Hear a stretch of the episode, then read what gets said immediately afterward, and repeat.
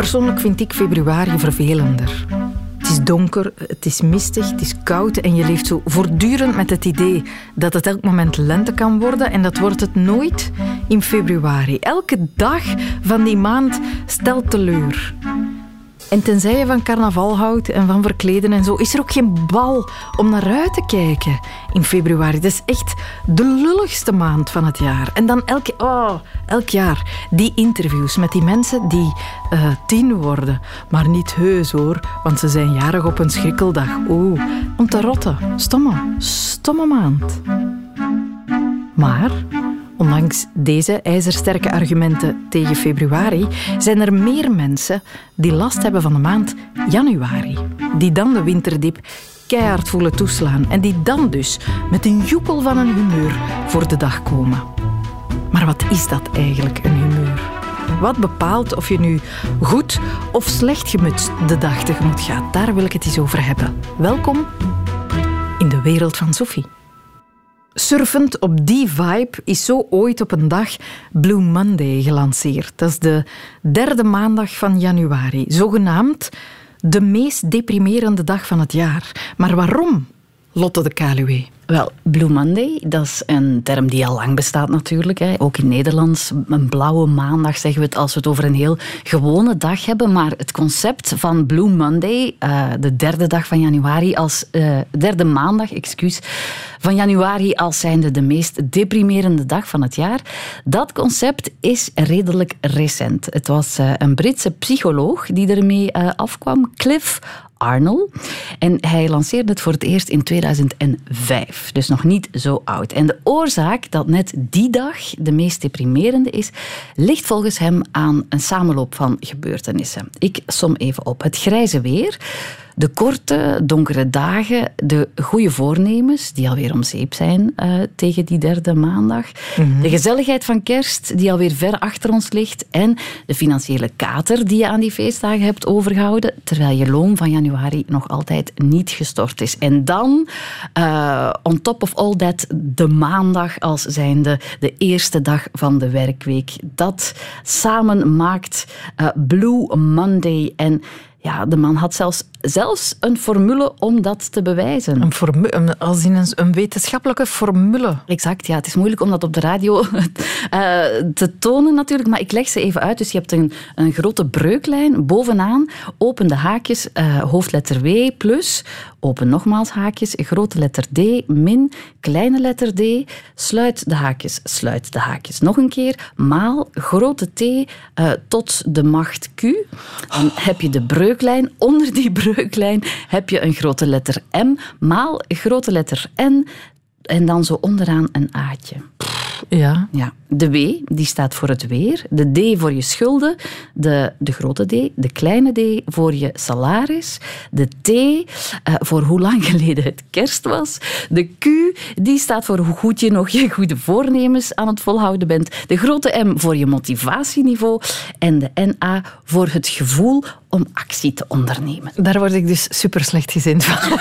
van dat soort formules. Ja, jij niet alleen, Sophie. Uh, het moet gezegd, binnen de academische wereld werd er ook met de wenkbrauwen gefronst toen ze die formule zagen. Ah ja, oké. Ja, ja, ja, want Arnold die kon ook niet nader verklaren hoe hij precies tot die formule was gekomen. En hij kon ook niet echt aangeven wat de eenheden van zijn variabelen waren, plus uh, de grootheid tijd zou ontbreken. Enfin, er rammelde van alles aan. Maar heeft hij dan gewoon een, iets verzonnen? Wel, Sophie, je moet weten. En naast die formule had de psycholoog in kwestie ook meteen een oplossing bedacht. Uh, om dat gevoel van Blue te bestrijden. Het allerbeste wat je kunt doen op deze dag, zei hij, is je vakantie boeken. Dit raarste wetenschappelijke onderzoek ooit. Ja, en wacht even, nu komt de aap uit de mouw. Want het bleek inderdaad niet om een heel ernstig wetenschappelijk onderzoek te gaan. Het werd met name gefinancierd door een reisorganisatie. Ah. Sky Travel, het Britse Sky Travel, zocht een manier om nu bij de start van het jaar uh, mensen vakanties te gaan laten boeken. Dus ze spanden meneer Arnold voor hun kar om dat concept van Blue Monday wereldwijd zogenaamd wetenschappelijk onderbouwd te gaan uitdragen. Maar het was gewoon een marketingstunt. Allee jongen, en die gast die dacht gewoon, beroepsheer, whatever. Ik doe het, Sky Travel. Ja, blijkbaar wel. Maar uh, hoe onjuist ook, wetenschappelijk gezien. Die Blue Monday die sloeg in als een bom hè, tot vandaag. We hebben het er nog altijd over. En het is zo dat na die reisorganisatie nog heel veel andere bedrijven het gaan gebruiken zijn om ja, hun spullen aan de man te brengen. Hè. Alcohol, kleding, fitnessabonnementen, you name it. Het zou allemaal helpen om je gevoel van neerslachtigheid tegen te gaan. Maar wauw, wees eens die marketeer die zegt, hey, je voelt je slecht, hier is een fles alcohol. ja, Wauw. Die mensen moeten ook hun, hun, spullen verkopen. Hè? Ja. ja. Het is pseudo-wetenschap, maar spek naar de bek van marketeers. Maar Sophie, het is wel zo natuurlijk dat het resoneert. Hè? Het feit dat het zo goed werkt, eh, het resoneert met een algemeen gevoel van neerslachtigheid dat in deze periode wel eens de kop opsteekt. De winterdip. Ja, absoluut. Ja, ja. vandaar het succes ervan. Maar misschien maak je het gewoon wel maak je het niet gewoon erger als je gaat zeggen en vandaag gaan we eens collectief depressief zijn? Ja, ja ik, ik begrijp wat je bedoelt. En dat is ook wat meneer Arnold heel vaak uh, is verweten doorheen de tijd. Dat hij ervoor gezorgd heeft dat Blue Monday ja, zo'n negatieve connotatie heeft gekregen en dat bij uitbreiding eigenlijk de hele maand januari als ellendig en miserabel wordt gezien. Dat die mensen gewoon nog meer de dieperik induwt. En ook wordt gezegd dat hij wel uh, een beetje spot met mensen die echt last hebben van een depressie. Met zijn uh, pseudo-wetenschappelijke praat en zijn uh, onnozele formule. Mhm. ja. Oh, ja. Maar, maar het moet ook gezegd dat in 2016 de man tot inkeer leek te komen. Hij besefte dat hij de wereld eigenlijk niks had voortgeholpen met zijn concept van Blue Monday. En hij lanceerde daarom de Stop Blue Monday Movement. Hij verscheen in een video, staand op een strand, en dan vertelde hij meer. One day I realized putting the idea of Blue Monday out there didn't help the world in the ways I expected. And I decided to do something about it. So we created the Stop Blue Monday movement by filling the internet with optimistic posters and the hashtag Stop Blue Monday. Ja, posters, een hashtag Stop Blue Monday als een soort van wiedergoedmachung, zo leek het wel, uh, om zijn gedane kwaad te compenseren. Maar, Sophie, niks is minder waar, want aan het eind van de video blijkt dat hij zich weer voor een campagne heeft laten strikken. It is much easier to feel happy when you are surrounded by light and warmth instead of cold and rain. Stay in the Canary Islands for a couple of days and you tell me. maar alleen, maar zo onbeschaamd. Reclame voor de Canarische eilanden. Ja. waanzin. Hij dacht, ik heb mijn broek al eens één keer afgestoken. Dat heeft mij wat opgeleverd. Ik ga het nog eens doen. Absoluut, ja. En twee jaar later van hetzelfde. Dan was het Richard Branson van Virgin die hem inschakelde voor een campagne onder het motto Screw it, let's do it. Het idee was, fuck the Blue Monday, boek je gewoon, uh, je Virgin vlucht. En ondertussen, als je dat nu doet, mag je dan gewoon voor de universiteit blijven werken? Hè? Kan dat zo? Nee, nee, de Universiteit van Cardiff, waar hij dus werkte, ook niet fulltime, nooit gedaan, maar die heeft al lang afstand van hem gedaan en uh, van zijn uitspraken en zijn formules. Maar dat zal de man worst wezen. Ah, hij, hij zit op de Canarische eilanden. ja, en hij heeft nog wat andere formules bedacht. Uh, bijvoorbeeld eentje om te berekenen wat de gelukkigste dag van het jaar is. Sophie, Enig idee? Nee, ja. Nee, dat, dat zal weer gebaseerd op Swans zijn. Dus ja, een formule, maar dan kom je uit op 17 juni. En dat, Sophie, is de perfecte dag om een ijsje te eten. Van een welbepaalde fabrikant wel te verstaan. Schaamteloos, die Cliff. Gelukkig zijn er ook prima psychologen die zich niet voor de kar laten spannen van de commerce, zoals bijvoorbeeld psycholoog en gedragseconoom Matthias Celis van de UGent. Tenminste, al ga er nu even van uit dat u niet voor de kar gespannen bent. Nee, absoluut niet. Uh, de, de, ethische standaarden zijn ondertussen net iets hoger, uh, waardoor dat zo'n dingen er vandaag uh, niet meer zouden door kunnen komen. Ja, dus ja. alle chance. Want die Pipo die verzint dus Blue Monday, waarop de vrees ontstaat dat je mensen hun dag ja, mogelijk net gaat vervallen, toch? Als ja. je gaat suggereren ja. dat het misschien wel eens een heel slechte dag zou worden. Ja. Nu, bij eerste oogopzicht lijkt die formule dat die man daar presenteert ergens wel steek te houden. Hè. Het is het zijn donkere maanden, de feestdagen zijn gedaan. Het, het, het komt ergens intuïtief, maar ja, als we dan kijken naar alle andere dagen op basis van algemene markers voor uh, volksgezondheid, zoals sterfte, uh, ziekteverzuim op het werk, uh, morbiditeit, alle, alle zaken, hè, suïcide, zelfmoorden en zo, dan zie je eigenlijk geen enkel verschil met enige andere dag in januari. Dus het, het, het lijkt steek te houden, maar er is eigenlijk helemaal niets van aan. Um, er zijn geen dagen die eruit steken in het jaar dan, waarop mensen meer tegenslag zouden ervaren dan anderen?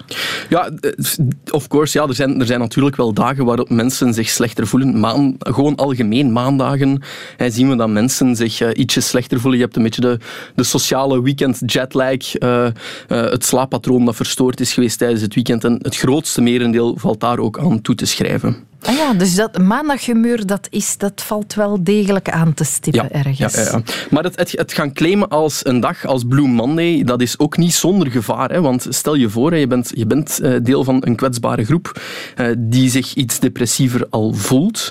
Um, ja, ja, het, het, kan maar zo eens komen dat je dan denkt van oké, ja, ik moet mij extra, extra depressief gaan voelen vandaag op die Blue Monday. Of mogelijk zelfs nog gevaarlijker, hè, die mensen die dan ja, zouden aannemen dat ze zich morgen wel beter gaan voelen, want Blue Monday is voorbij. En dat is natuurlijk niet zo. En ja, dat, dat kan dan toch wel tot ernstige problemen leiden. Toch niet geheel onschuldig, dat soort marketingverzinsels. Nee.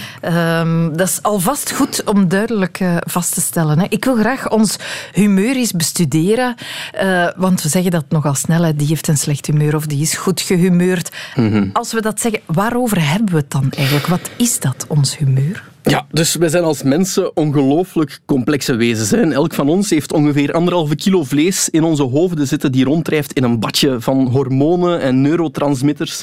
En die bepalen eigenlijk voor een heel groot stuk hoe dat we ons voelen doorheen de dag. En die gemoedstoestand, die we dan ook wel noemen, ons humeur, hè, dat is daar dan een uiting van.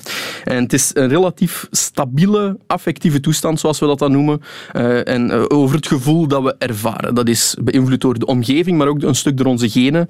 Uh, Um, en in tegenstelling tot emoties, hè, die hebben meer de neiging om heel uitgesproken en een specifieke oorzaak te hebben, zijn, uh, ja, eh, humeur, is, is humeur of een stemming een iets algemenere, minder intense uh, vorm van die emoties, of een uiting daarvan alleszins. Ja. Wat zijn de zaken die ons humeur gaan bepalen? Het is een, hele race aan, uh, aan, aan zaken hè, die ons humeur gaan bepalen. Uh, je hebt daar uh, de omgeving algemeen, ons voedingspatroon, beweging um, en, en algemeen het perspectief dat je aanneemt in het leven. kan ook heel sturend zijn. wat je ziet op het nieuws kan heel beïnvloedend zijn. Ah, ja? Ja, Zeker als je, natuurlijk, als, als je op sociale media um, het, het, algoritme voedt met, uh, met dingen en je leert het algoritme waar je heel gevoelig aan bent. En dat is, wij als mensen zijn heel receptief voor negatief nieuws.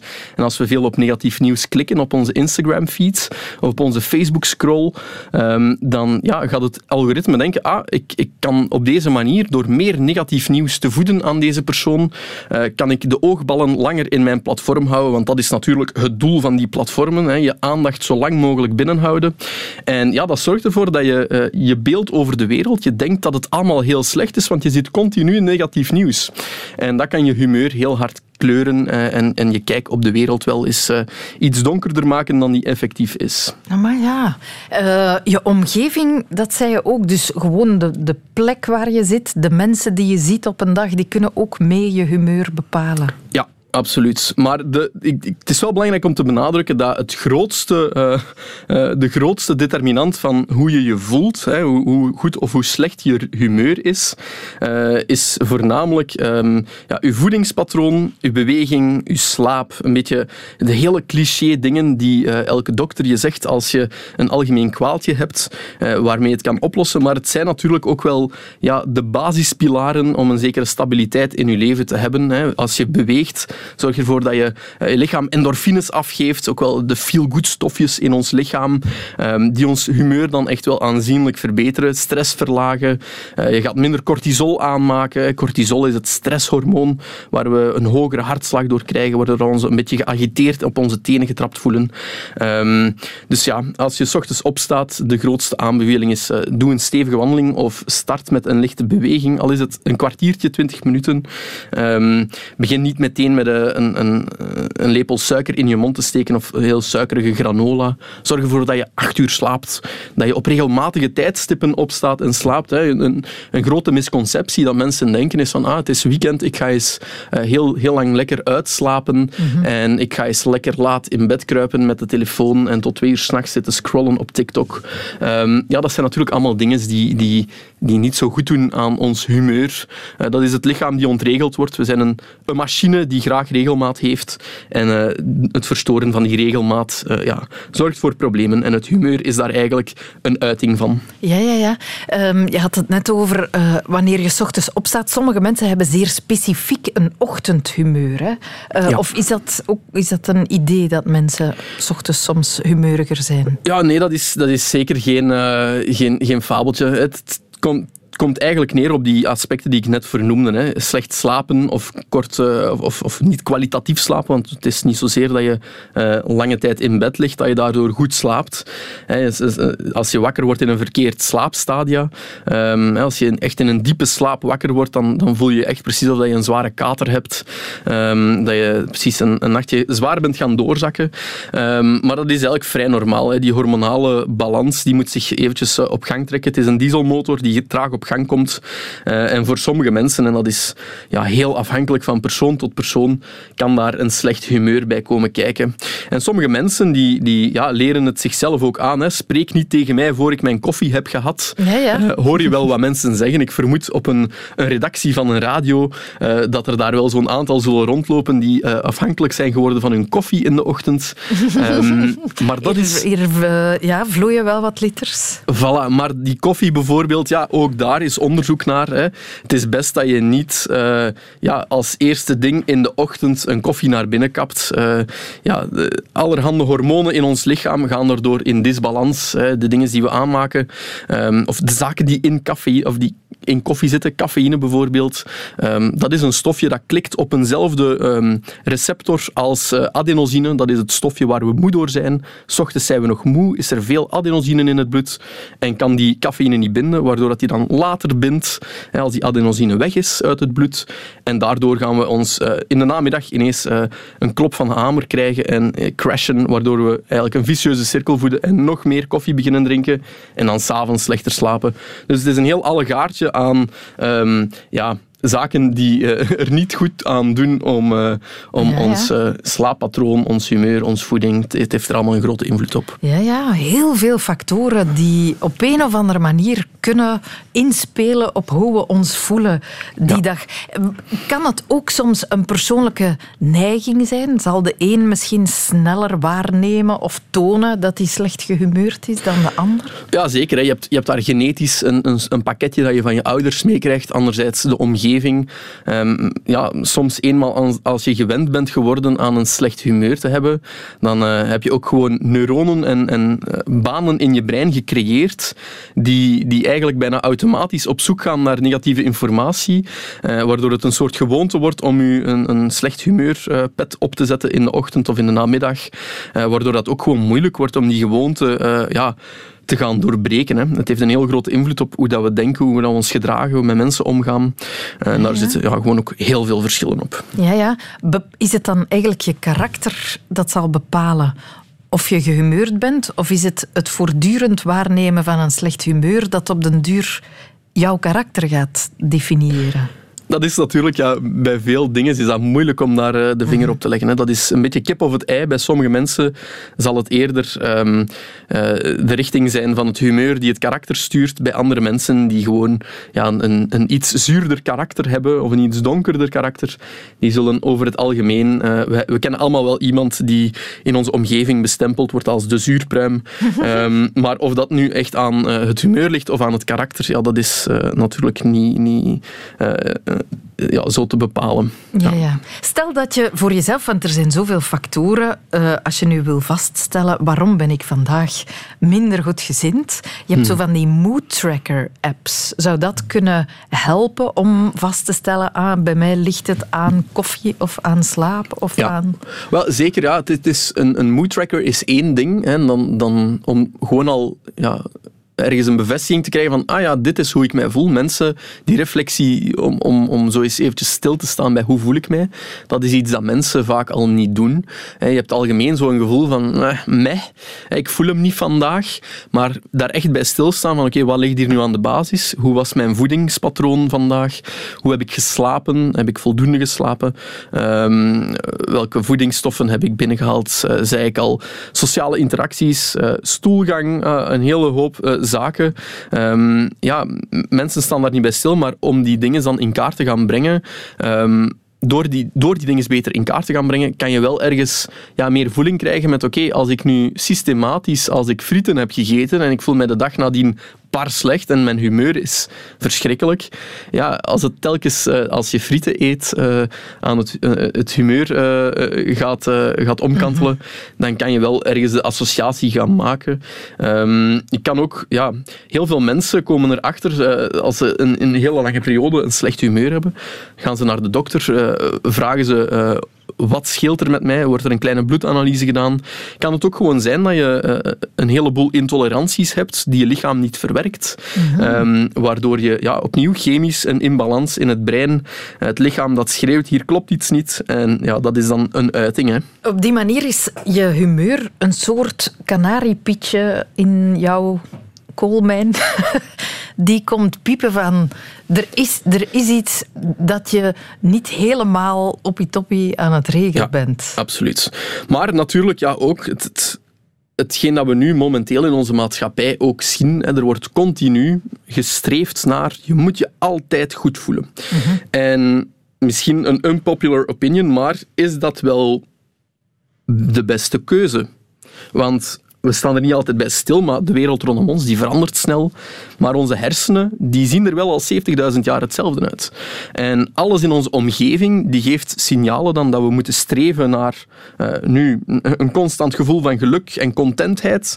Maar daar zijn we eigenlijk als mensen niet voor gebouwd. Want we zijn als mensen gebouwd om te overleven. Net als dieren zijn we, hebben we twee hoofdfuncties, om het zo te zeggen, uh, die we mee hebben gekregen in onze genetica en in onze bouw. Dat is ons voortplanten en om uh, te overleven.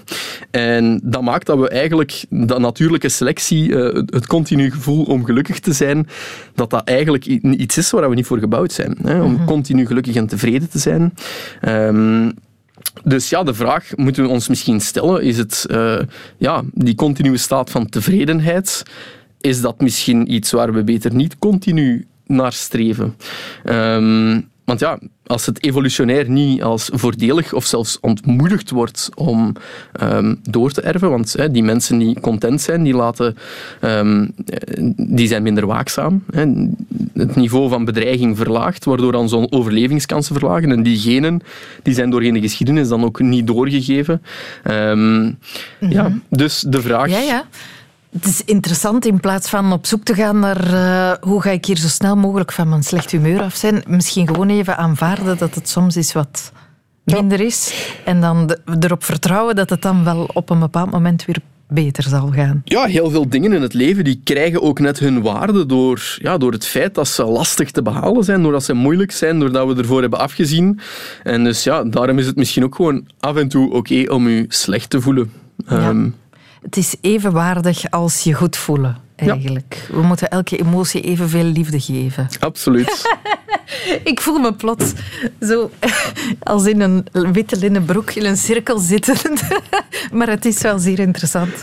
Uh, ik heb nog één vraag voor u. Ja. Wat als je uh, vooral last hebt van het humeur van iemand anders? Ja, dat is natuurlijk vervelend. Hè? En we hebben al heel snel de neiging, ik, ben daar zelf zeker ook uh, schuldig aan, om uh, de, de situatie te beginnen analyseren en met een kant-en-klare oplossing af te komen.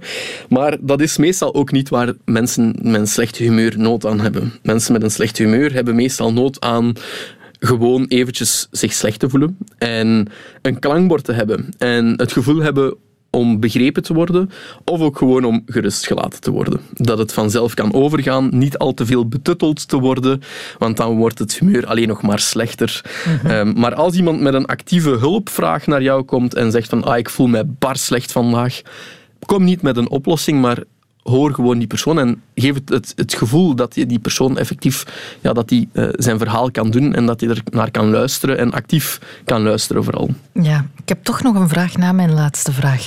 Wat als dat die ander zijn humeur, jouw humeur, begint te belasten? Ja, ja dan uh, natuurlijk... Um, is het misschien heel, uh, heel simpel om je te verwijderen uit de situatie. En natuurlijk, het, het, het vergt een, een zekere um, balzines om het dan ook uh, in die, tegen die persoon te zeggen van kijk, ik word hier niet gelukkig van. Ik voel dat ik hier uh, dat, dat jouw humeur mijn humeur aanwakkert. En ik denk niet dat dit een slimme situatie is of een goede situatie voor ons beiden en voor onze relatie. Dus ik ga me eventjes afzonderen of ik stel voor dat je even de ruimte verlaat. Um, dat is misschien niet altijd evident als je baas het slechte humeur heeft, bijvoorbeeld. Maar... Ik stel voor dat je even de ruimte verlaat. Beste hoger geplaatste. Psycholoog en gedragseconoom Matthias Celis was dat. Je humeur als een soort kanariepietje in je koolmijntje. Dat herkende ik eigenlijk wel in het verhaal van radiocollega Sam de Bruin. Die had jarenlang het ergste ochtendhumeur. Tot hij ontdekte dat dat humeur ook een oorzaak had. Anne Roodveld zocht hem op ik denk dat ik mij heel mijn leven kan herinneren dat ik eh, zeker niet de vrolijkste was als ik uh, wakker werd. Sowieso niet. Um, maar ik dacht dat dat een deel van mijn karakter was. Dat ik gewoon een, een nukkig, grumpy uh, persoon was, s ochtends. En dan op een gegeven moment heb ik dus later in mijn leven ontdekt dat dat, dat, dat niet mijn karakter is. En dat het gewoon te maken had met het feit dat ik gewoon heel slecht sliep. Als ik wakker werd, dan was de, de stand, het standaard gevoel dat ik had, was kwaadheid. Dat was een, een, eh, een soort van razernij, een kwaadheid op de wereld. Van hoe durven jullie mij uh, alweer uit mijn bed te halen eigenlijk? Wie denken jullie wel dat jullie zijn? Uh, terwijl dat natuurlijk moest, want ik moest ook gaan werken. Hè. dat was gewoon de gang van zaken. Ik moest gewoon opstaan zoals elke mens moest opstaan. Maar dat maakte mij heel kwaad. Dat maakte mij heel boos dat ik moest opstaan. En dat werd al eens uitgewerkt ja, op, de, op, op iedereen in mijn buurt. En vooral ja, mijn echtgenoot is het tegenovergestelde. Dus is een, een, een vrolijke, fluitend wakker wordende, babbelgrage mens. Ja, dat was echt bloedirritant. Ik had die echt kunnen wurgen af en toe.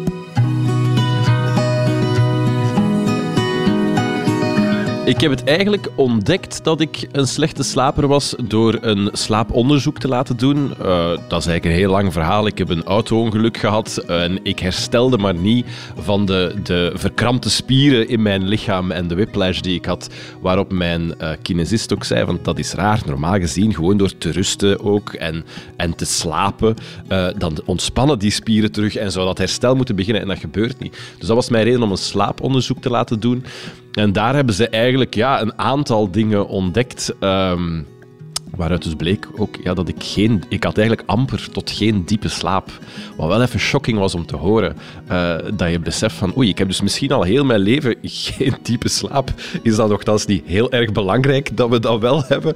Er is bij mij ook slaapapneu vastgesteld uh, bij mijn slaaponderzoek. Uh, niet in een extreem dramatische vorm, maar toch al zorgwekkend. Dus dat was ook een van de redenen natuurlijk waardoor ik niet in die diepe slaap geraakte. andere dingen die meespeelden waren ja, basically chronische stress. Uh, daar heb ik toch ook even een tik op mijn vingers gekregen. Want dat had ik ook niet echt door dat ik zo beïnvloed werd in mijn slaap dan door stress.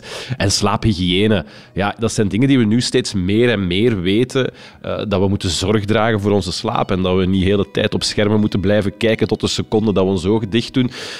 Maar eerlijk, dat, daar wist ik toen echt niets van. En de cola's en de koffies, die, die bleven er ook maar in gekapt worden tot het einde van de dag. Ja, dat zal ik nu ook allemaal niet meer doen om toch um, beter te letten op die slaap, want die is toch heel belangrijk.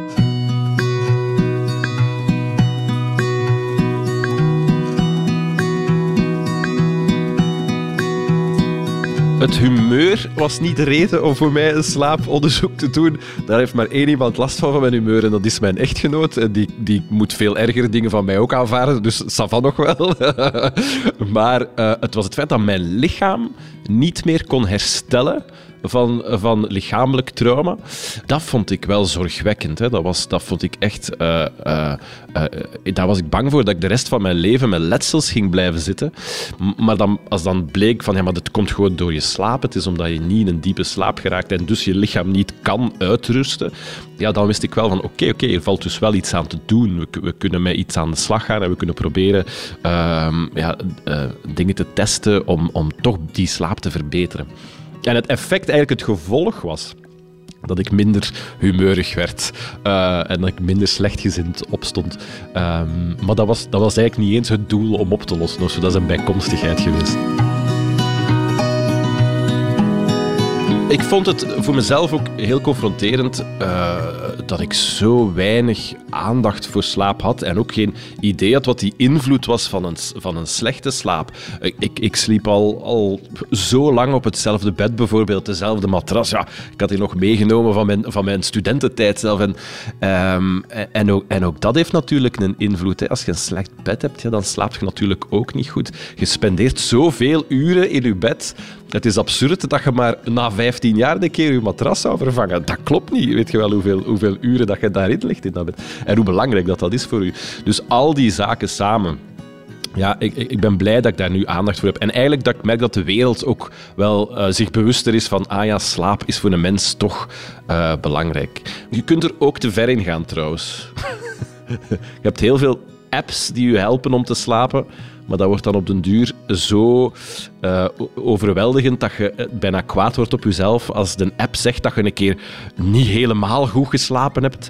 En dat kan het probleem ook alleen maar verergeren. Dus gsm's wegzwieren is denk ik het allerbelangrijkste. Laat dat ding uit je slaapkamer, een gsm. Koopt u een oldschool wekker om u wakker te maken. En je gaat dan een hele stap verder zitten.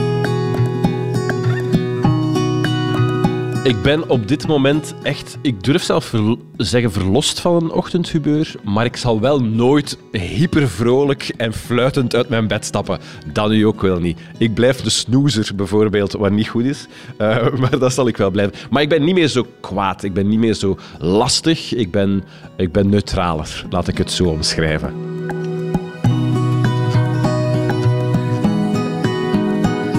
Het kan dus ook overgaan, hè? Goed om te weten, mocht je zelf last hebben van jou of van iemand anders, zo'n ochtendhumeur.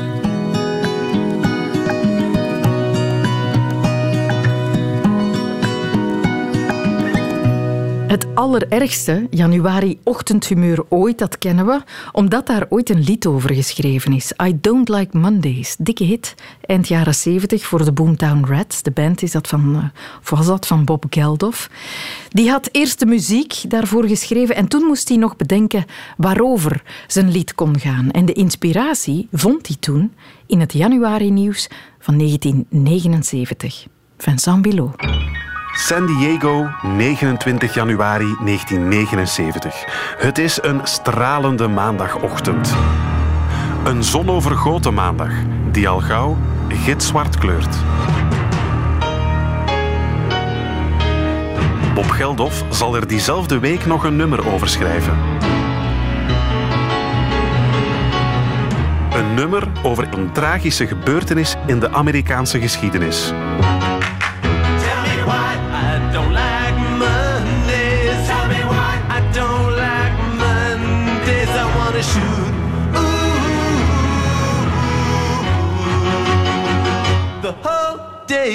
Een tragische gebeurtenis die zich afspeelt aan een basisschooltje. And school's out early and soon we be learning and the lesson today is how to die. De school is die dag vroeger gedaan dan anders.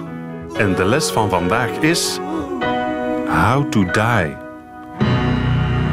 Wat is daar gebeurd? Terug naar die maandag in 1979. Het is half negen ochtends en in San Diego brengen ouders hun kinderen naar de Cleveland Elementary School. Aan de schoolpoort heerst de gebruikelijke drukte. Klasgenootjes zien elkaar terug na het weekend en praten bij op de speelplaats. Maar plots klinkt er een luide knal. Een jongen van de derde klas zakt in elkaar. Er volgt nog een knal. En nog één, en nog één, en nog één. Er breekt paniek uit. De speelplaats wordt onder vuur genomen, maar niemand weet waar de kogelregen vandaan komt. The shooting began around 8:30 a.m. A sniper was firing random shots at school children on their way to class at Cleveland Elementary. De directeur en de conciërge proberen zo goed en zo kwaad als ze kunnen de kinderen in veiligheid te brengen. Ze bekopen hun moed met een kogel in de borst. De chaos is compleet. Gealarmeerde ouders keren massaal terug naar de school op zoek naar hun kinderen. Concerned parents began to arrive. Not knowing yet whether their children were among the injured, they chose to wait here together rather than at home alone. Na een half uur is de politie ter plaatse. Ze hebben al gauw door dat de kogels worden afgevuurd vanuit een huis aan de overkant van de straat. Ze rijden een vuilniswagen voor de schoolpoort als schild en kunnen zo veilig de gewonde kinderen afvoeren naar het ziekenhuis. I got shot and then Mr. Barnes said, um, Crystal, Jack, you guys run. Then I got shot and then I went in the nurse's office and I was bleeding a lot. I just was laying there. You must have been really scared. I was. It hurt. Voor de directeur en de conciërge komt alle hulp te laat. The principal and custodian would die. De acht getroffen kinderen zullen het wel overleven. Each had suffered gunshot wounds in the sniper attack, but hospital officials quickly pronounced their conditions as good. De politie onderhandelt urenlang met de schutter en iets na de middag geeft de dader zich over. Verbijstering alom. Uit het huis komt een meisje van 16 gewandeld. For a while, the sniper, 16-year-old Brenda Spencer, kept police at bay, firing from her house across the street from the school at anything that moved. Brenda Spencer is haar naam. She was armed with a 22 caliber semi-automatic with a scope. In haar hand een semi-automatisch wapen. SWAT officers escorted her from the house to custody, and the long and terrible San Carlos sniper siege was over. Brenda Spencer wordt ingerekend en weggebracht naar het politiekantoor. Amerika is in shock. This is one of the most unthinkable, horrendous crimes that could ever occur in California, in the nation, and in the world. Iedereen vraagt zich af wat haar in godsnaam heeft bezield om te schieten op onschuldige kinderen. Brenda Spencer heeft een even simpel als krankzinnig antwoord klaar. I don't like Mondays. This livens up the day. Ik hou niet van maandagen. Dit fleurt mijn dag op. Zo banaal kan het motief van een dolle schutter dus zijn. De schietpartij van Brenda Spencer is een van de eerste in een lange, trieste traditie van schoolshootings die Amerika ook vandaag nog teisteren. This is an ABC News special report. We want to bring you up to date at the shooting at Columbine High School in Littleton, Colorado. We dressed Breaking in news 17 people are now confirmed dead after police say that a shooter, believed to be just 19 years old, opened fire. if you were just joining us, two young men opened fire at a high school just outside This of is the fourth shooting at a middle or high school just this year, in 2018. En zelden heeft een dader zo laconiek gedaan over zo'n laffe daad als Brenda Spencer. I don't like Mondays. Nooit was een daderverklaring zo banaal als die van Brenda Ann Spencer. Mocht u dus nog eens meezingen met die megahit, weet dat het niet zomaar een ochtendhumeurtje bezingt. En weet dat onze gevoelens over januari en februari toch wel echt zeer goed meevallen. Dan vind ik hè, dat u en ik, dat wij zeer schappelijke, aangename mensen zijn.